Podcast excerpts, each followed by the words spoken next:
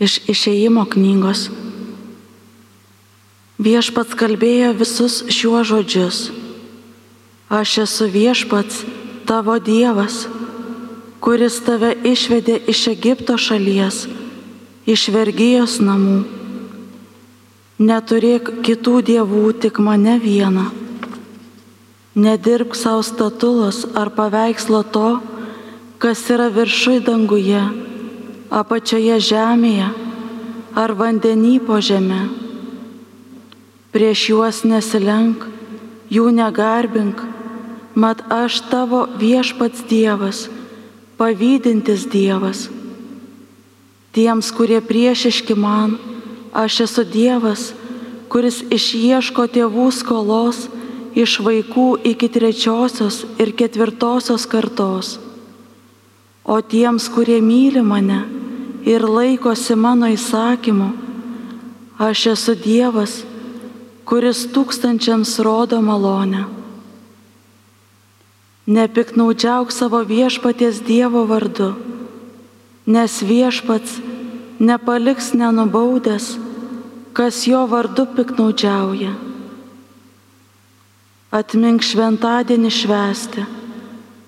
Šešias dienas gali triūsti ir dirbti visus savo darbus.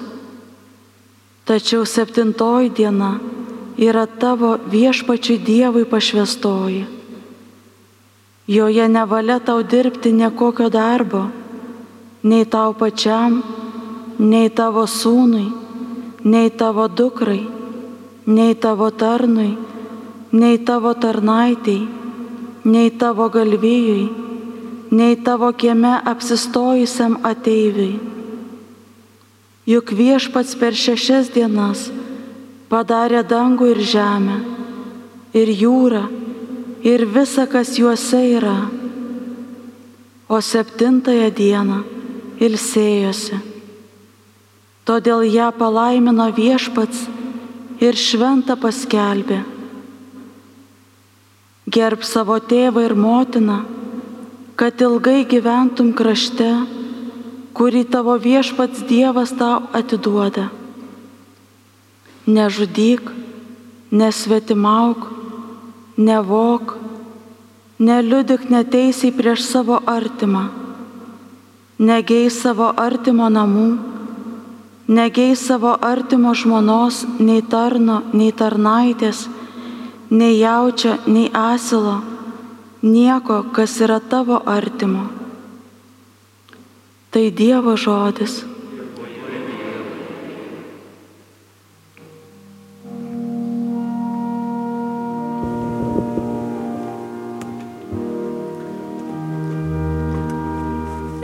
viešpatie, tu turi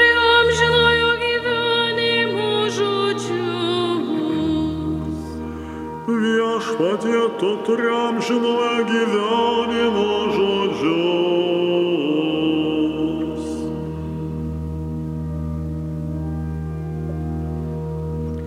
Tobulas viešpaties duotas teisynas,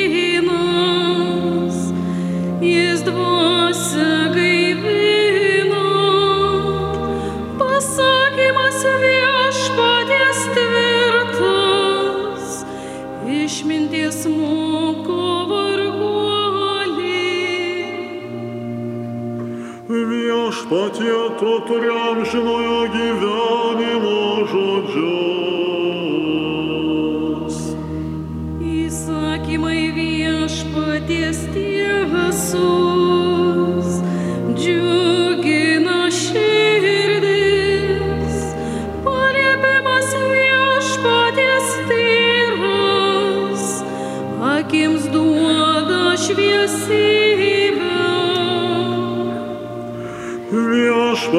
Tu turi amžinojo gyvenimo žodžius. Viešpaties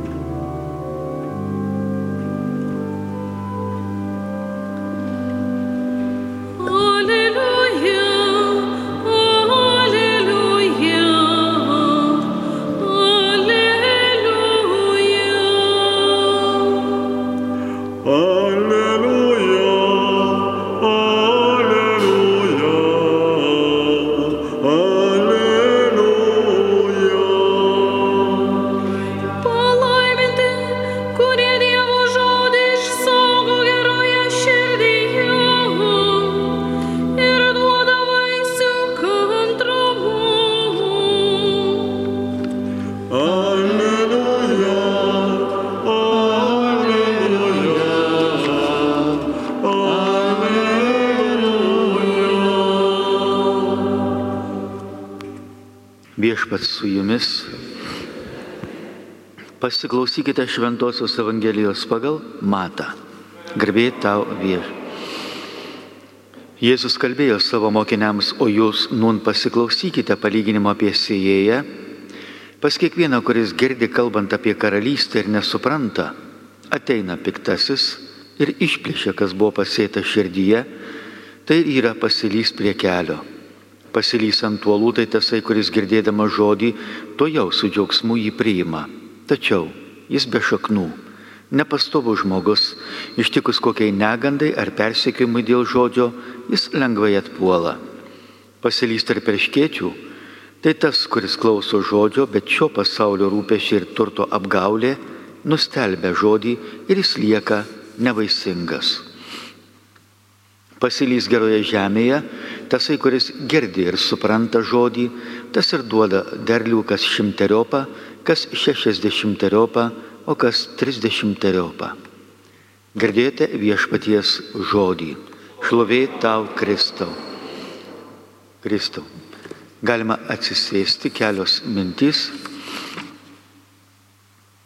Pirmajame skaitinėje mums viešpats primena Dievo duotus įsakymus, primindamas, kad visų pirmiausias dalykas tai yra tai, kad Jis yra Dievas. Ne tie dievai, kuriuos žmogus susikūrė, bet tas, kuris iš tiesų sukūrė visą šitą visatą ir ją palaiko ir iš žmogaus tikisi pačio svarbiausio dalyko - santykio, bendravimo. Dievas nori bendrauti.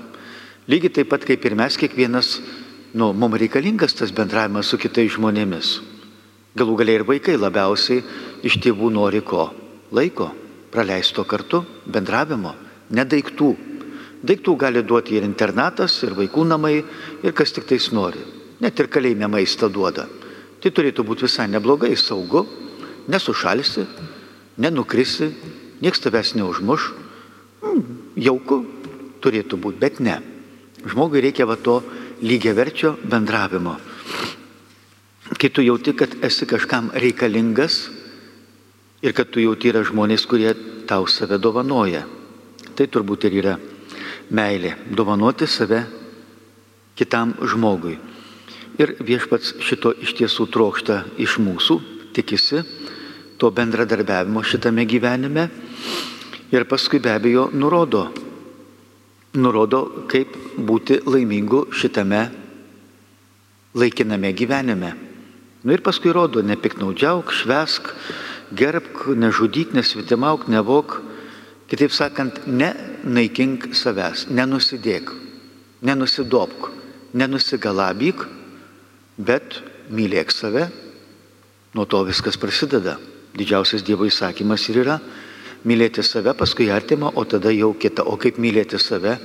Tai va neleisti, kad tave užvaldytų piktybė, pavydas, nepykanta, kerštas, godumas, šykštumas, neviltis, baimė ir visi kiti dalykai, kuriuos mes vadinam nuodėme.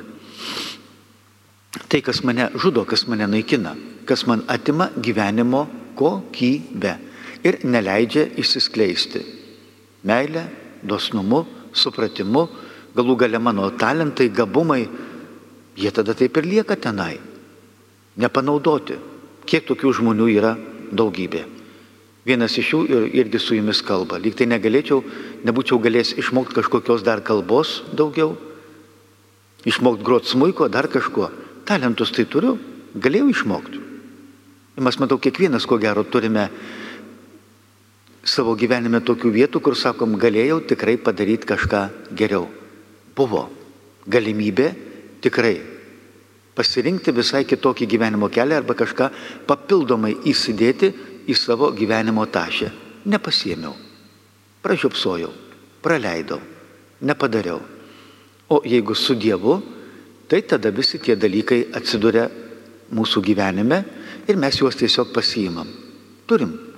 Ir paskui dalinam, nes pasirodo, matai, kuo tu daugiau dalini, tuo, kas darosi, tuo daugiau turi. Bet keistas toks paradoksas, pas Dievą tokių yra daugybė. Paprasčiausiai pasakius, Dievas mato, kad apsimoka per tave tau duoti malonių, nes jos nenueina veltui. Jeigu aš žmogui kažką padovanoju ir paskui tą randu konteinerį, arba iškepu tortą, nunešu jam, o jis tenai paskui supūva, tai aš matau, kad kaip ar apsimoka tokiam žmogui duoti gerus daiktus. Jėzus sako, nebarstykit perlų keulėms. Sako, neapsimoka. Taip kaip ir šitą grūdus, šiandien mes girdim viešpats pila į bet kokią žemę. Visur. Dalina malonės visiems. Šitą gyvenimą, gabumus, talentus duoda tikrai ne tik kilmingiems, ar dar kažkokiems. Puikiai žinom, kad daugybė žmonių, kurie pasaulio asmenybės, Jie buvo visiškai iš daugiavaikių šeimų, skurdžių, varge, visokiose internatuose, bet tėvų našlaičiai, patys įvairiausi dalykai. Netikintys, priešingai galbūt netgi karaliai, valdovai, dar kažkas. Tas visiškai nesvarbu. Svarbu, ar tu priimsi Dievą į savo gyvenimą, ar leisi, kad jis būtų tavo bendrakeleivis, bendradarbis, tavo projektų autorius Arba ne, apsisprendi, kad visgi aš pats. Nu, tada be abejo visa bėda, kad tavo valia silpna, kad tavo smegenys veikia tik tais kokiu 10, 20, nu, maksimum 18 procentų. Tai ir nepataikai. Tiesiog nepataikai. Gyvenime priimi neteisingus sprendimus. Graikų kalboje toks žodis ir yra. Nepataikyti reiškia nusidėti. Nuodėmė yra būtent nepataikymas. Tu nori žmogiškai priimti geriausią sprendimą, bet tau pritrūksta ko? Patirties, išminties. O Dievas mums šiandien ją ir dalina. O čia ta išminties knyga, iš kurios sem, semėsi visos pasaulio asmenybės. Nesvarbu, tai būtų menininkai, ar tai būtų mokslininkai, jokio skirtumo. Ar tai būtų karaliai valdovai, ar tai dar kažkas. Čia yra ta išmintis ir reikia tada jos semtis. Ir mes matom, kad iš tikrųjų, jeigu kas buvot kokiuose užsienio šalyse, matėt, neseniai buvau Fatimai, Portugalijoje ten prasta žemė. Bet visgi auga. Įsivaizduokit, auga ten, net ir ant tų akmenų medžiai auga. Atrodo visiškai prasta žemė turėtų būti dykuma. Ne.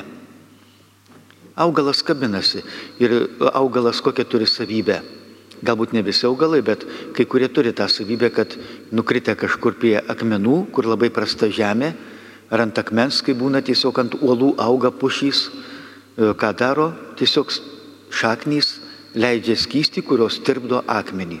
Ir tai pavirsta į trašą. Ir tada tas mineralinės medžiagas sunaudoja savo augimui. Viskas, o paskui žinoma, dulkės, viskas, jos irgi yra tada sunaudojamas. Skurdus tas medelis būna, Bet jis tada atsparus, jis jau tada stiprus, jis nebijo nieko, nei karščių, nei šalčių.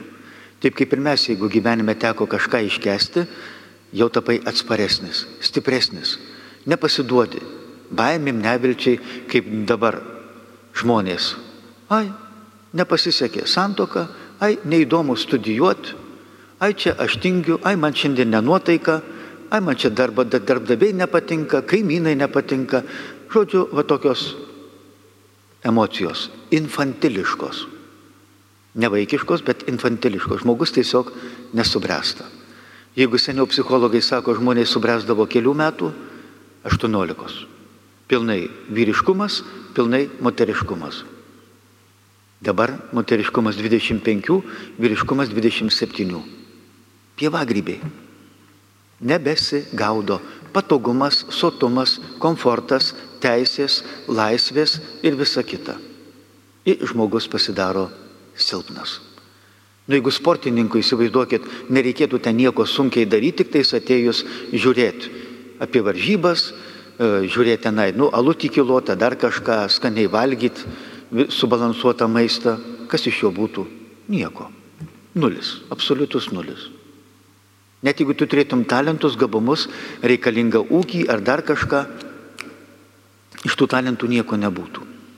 Reikia įdėti darbo prakaito, reikia iš tiesų tada valios. Štai ir viešpats sako, jeigu tavo žemė nederlinga, esi neįgalus, pavyzdžiui, arba kas čia dar gali būti, neturi su kažkokio super intelekto ar dar kažko, silpna valia, neturėjai gero auklėjimo ar dar kažko, tai prasta žemė, bet jeigu ją įdirbsi, kaupsi, ravėsi pikdžiolės, savo įdas, eisi iš pažinties, susirasi dvasinį vadovavimą, jeigu patreši savo gyvenimo nuodėmėm, tai yra mėšlas, kuris supuvus tampa puikiausia traša, jeigu apgenėsi savo troškimus, ar nereikia medelių genėti? Man atrodo, kad reikia. Aš tai bent jau geniu. Dabar vynogės galima genėti vasarą labai gerai, kad uogos būtų didelės, nes kitaip tada jis išsišakos, iš jo nebus smulkus vaisiai. Neapsimoka tada laikyti tokio. Ir jeigu iš tiesų laistysi, kartais savo prakaitu, kartais savo ašaromis, tada iš tiesų išauks. Išauks tas gyvenimo medis. Ir tu būsi iš tiesų stiprus, atsparus ir be abejo vaisiai. Svarbiausia, kad būtų vaisiai, ar tikrai apsimokėjo gimti. Bet kiek žmonių, jeigu tu būtum negimęs, dabar būtų dideliai bėdoj. Ne, tu jų neapkabinai, tu jų neišklausai, tu jų nepagodai, tu jų nesustiprinai, nepatariai, nesudraudai, nesušilpiai, neišklausai. Viskas, jų gyvenimo kokybė št, smuko. Viskas, tavęs nebuvo. To Dievo pasiuntinio, jo ambasadoriaus nebuvo. Žinoma, gali būti ir kita pusė. Jeigu tu tenai žmonės skaudinai, žeminai, išdavinėjai, jais pasinaudojai, tai tada gal ir tikrai geriau būtum negimęs. Čia va jau tada iš tiesų ir pradedi žiūrėti, ar iš tiesų tu gyveni tą savo gyvenimą, kurį tau Dievas paskyrė, norėdamas ir tave, ir visą šitą pasaulį nustebinti kuo? Tavimi. Tavimi. Kiekvienas turėtume būti iš tiesų kaip Dievo vaikas kažkokia staigmena kitiems žmonėms. Kartais sakau, visai nedaug reikia, tiesiog mokėsi išklausyti kitą žmogų. Tai čia nuostabi Dievo dovana. Ir niekam neišpasakot. Va, išklausyti ir niekam neišpasakot, kad žmonės galėtų tavimi tikrai pasitikėti. Žinau, kad mano senelis toks buvo, tai vaikeli pas jį visi tiesiog kaip musės lipdavo prie jo. Kaip bitės prie medaus. Prisinektaro, žodžiu, prisigėrusių žolių, šitų žiedų. Viskas. Nesvarbu, ten būdavo visokie ir profesoriai atvažiuodavo, ir daktarai, ir, ir kas tik nori. Visi prie to senelio. Tiesiog žmogus turėjo tą savybę. Jis buvo paprastas, jis buvo nuoširdus, jis buvo atviras. Kogi ten jau ar intelekto pasisemti važiuodavo žmonės pas tėvą Stanislovą arba pas tėvelį Simašką. Čia vietiniai, kaip žinom, ne. Ta žmogus spindėjo, tiesiog švietė, spinduliavo kažkokį tai gerumą, nuoširdumą, tuo pačiu paprastumą. Tikrai nebuvo nei kažko pasikėlę, nei kažkokie puikiai arogancijos ar dar kažko. Ne, tai jiems tiesiog buvo viskas svetima. Tokie dalykai jiems buvo svetimi. Jie mokėjo džiaugtis kitų žmogumi. Jiems tai buvo džiaugsmas matyti kitą žmogų, o ypač jeigu dar matydavo, kad gali kažkuo padėti, tai tai būdavo tada pilnatvė. Taip ir mes. Mūsų gyvenimas irgi bus matuojamas tuo, kiek mes apkabinom, išklausėm, pagodėm, sušelpėm ir leidom, kad Dievas mus įgalintų tai daryti. Aš pats iš savęs niekaip. Niekaip. Ir motina Teresė nekartą taip yra sakius, kad eit pas tuos visus ten purvinus, murzinus, su visokiais priekaištais, kaltinimais, ar dar kažką. Ne. Bet dėl Jėzaus taip. Ir tada paskui puikiai žinom, Stebuklai daugybė žmonių gyvenime, netgi tų, kurie netikintys, kurie visai net nežinojo, kad čia kažkokia ypatinga motina Teresė. Paveikia, viskas. Tu jau spinduliuoji. Tu kvepi. Tu kvepi dangumi. Ir tai žmonės iš karto patraukia. Neišvengiamai. Ir čia visai nereikia, kad būtum išsilavinęs, kad būtum kažko kilme ypatingas, daug pinigų turėtum ar dar kažko. Dievo malonės. Jos eina iš tavęs. Ir Dievas norėtų tą šaltinį tavyje atverti, jeigu tik jam leisi. Tai va taip kaip šventieji, tiesi viešpatie tavo valia. Atsiduodu tau. Besąlygiškai. Čia kažkada irgi žiūrėjau šitą filmą apie tą garsų dainininką Bočelį. Nu, kur aklas vaikas buvo aklas visiškai, ir, bet nuostabus balsas. Ir kai jis atėjo pas jį, atvedė pas tą jau profesorių, kuris, kuris jam pasakė, sako, turėsi atsisakyti visko. Visko turėsi atsisakyti. Visų barų, dainų, vakaruškų, alaus ir visokių kitokių smagumų, linksmybių, vyno, viso kito, visko turėsi atsisakyti Ir jeigu sutinki, aš tada darau iš tavęs žvaigždę. Tu sąlygas turi. Mes visi turim. Šventaisiais tampa, galim tapti visi. Gal nebūsim paskelbti, bet tai jais tikrai galim tapti. Bet reikės iš tiesų viešpačiui pasyti, tesie tavo valia. Bet tas profesorius jam ir pasako, jeigu sutinki, įmuosi, jeigu ne, sako, eik į savo tuos kabakus, dainuok, žmonės džiaugsis, krikštaus, bet sako, žvaigždė niekad netapsi. Ir jis tą apsiemi ir tapo. Tapo įžymybę eidamas save ir dovanodamas savo balsą žmonėms.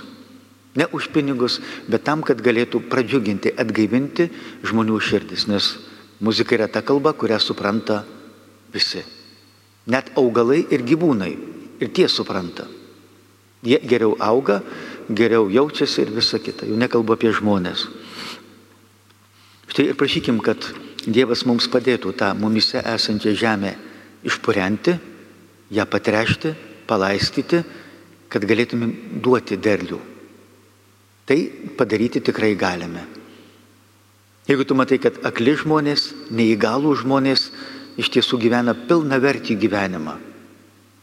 Tas pats koks nors nežinau, kas ten Timtimas Genaras, stipriau už nepykantą knygą, kur jo visiškai sužeista, sužalota vaikystė visai ir fiziškai, ir dvasiškai, ir psichiškai. Tapo paskui milžiniška pagalba milijonam žmonių, kuriems eina ir liudyja. Ar šitas, jau užmiršau kaip ten tas žmogus, kur be rankų, be kojų gimė. Nikas, jo, Nikas Vaivičius. Irgi atrodytų gyvenimas nebeturi jokios prasmės. Pilna vertis. Turi savo firmas, turi šeimą, turi veiklą, važinėja po visą pasaulį. Bet su Dievo pagalba, jis tą ir liudyja. Galų galia tie patys broliai Bilutskai, kurie gyvena palangoj, irgi atrodo, nu kas, jeigu tu sėdi vežimėlį, net musės negali nuo nosies nuvaryti. Visiškai be jėgų, be nieko, absoliučiai. Tik žandikaulis juda, akys dar kruta, net sprando pasuk negali. Kokia prasmė gyventi atrodytų? Pff, žmogus rašo straipsnius, dalyvauja visokiuose konferencijose, veda rekolekcijas, verčia knygas į užsienio, į užsienio, iš užsienio kalbų, į užsienio kalbas rašo ir visa kita. Turi šeimą, turi, turi žmoną, viskas. Pilnavertis su Dievu. Sako, tai vyko tik tada, kai, sako, atsiverčiau, atsirado gyvenimo šviesa prasme, kad Dievas netgi ir iš tokio manęs gali padaryti. Žinau, kai tu pamatai, kad toks žmogus turi pilna vertį gyvenimą, pilnavertį, jis iš tiesų gyvena, tada supranti, kad tu turi galimybės kur kas didesnės. Ar jas panaudosi? Ir čia tada viešpats, jis mūsų pagalba. Jis mano galybė, mano silpnumuose tik jis yra galybė. Mano kompleksuose, baimėse, priklausomybėse ar dar kažkose žaizdose jis yra ta stiprybė, kuris mane išvaduoja, gydo, laisvina ir padeda man eiti šito gyvenimo keliu ir ištverti ir save, ir kitus. Amen.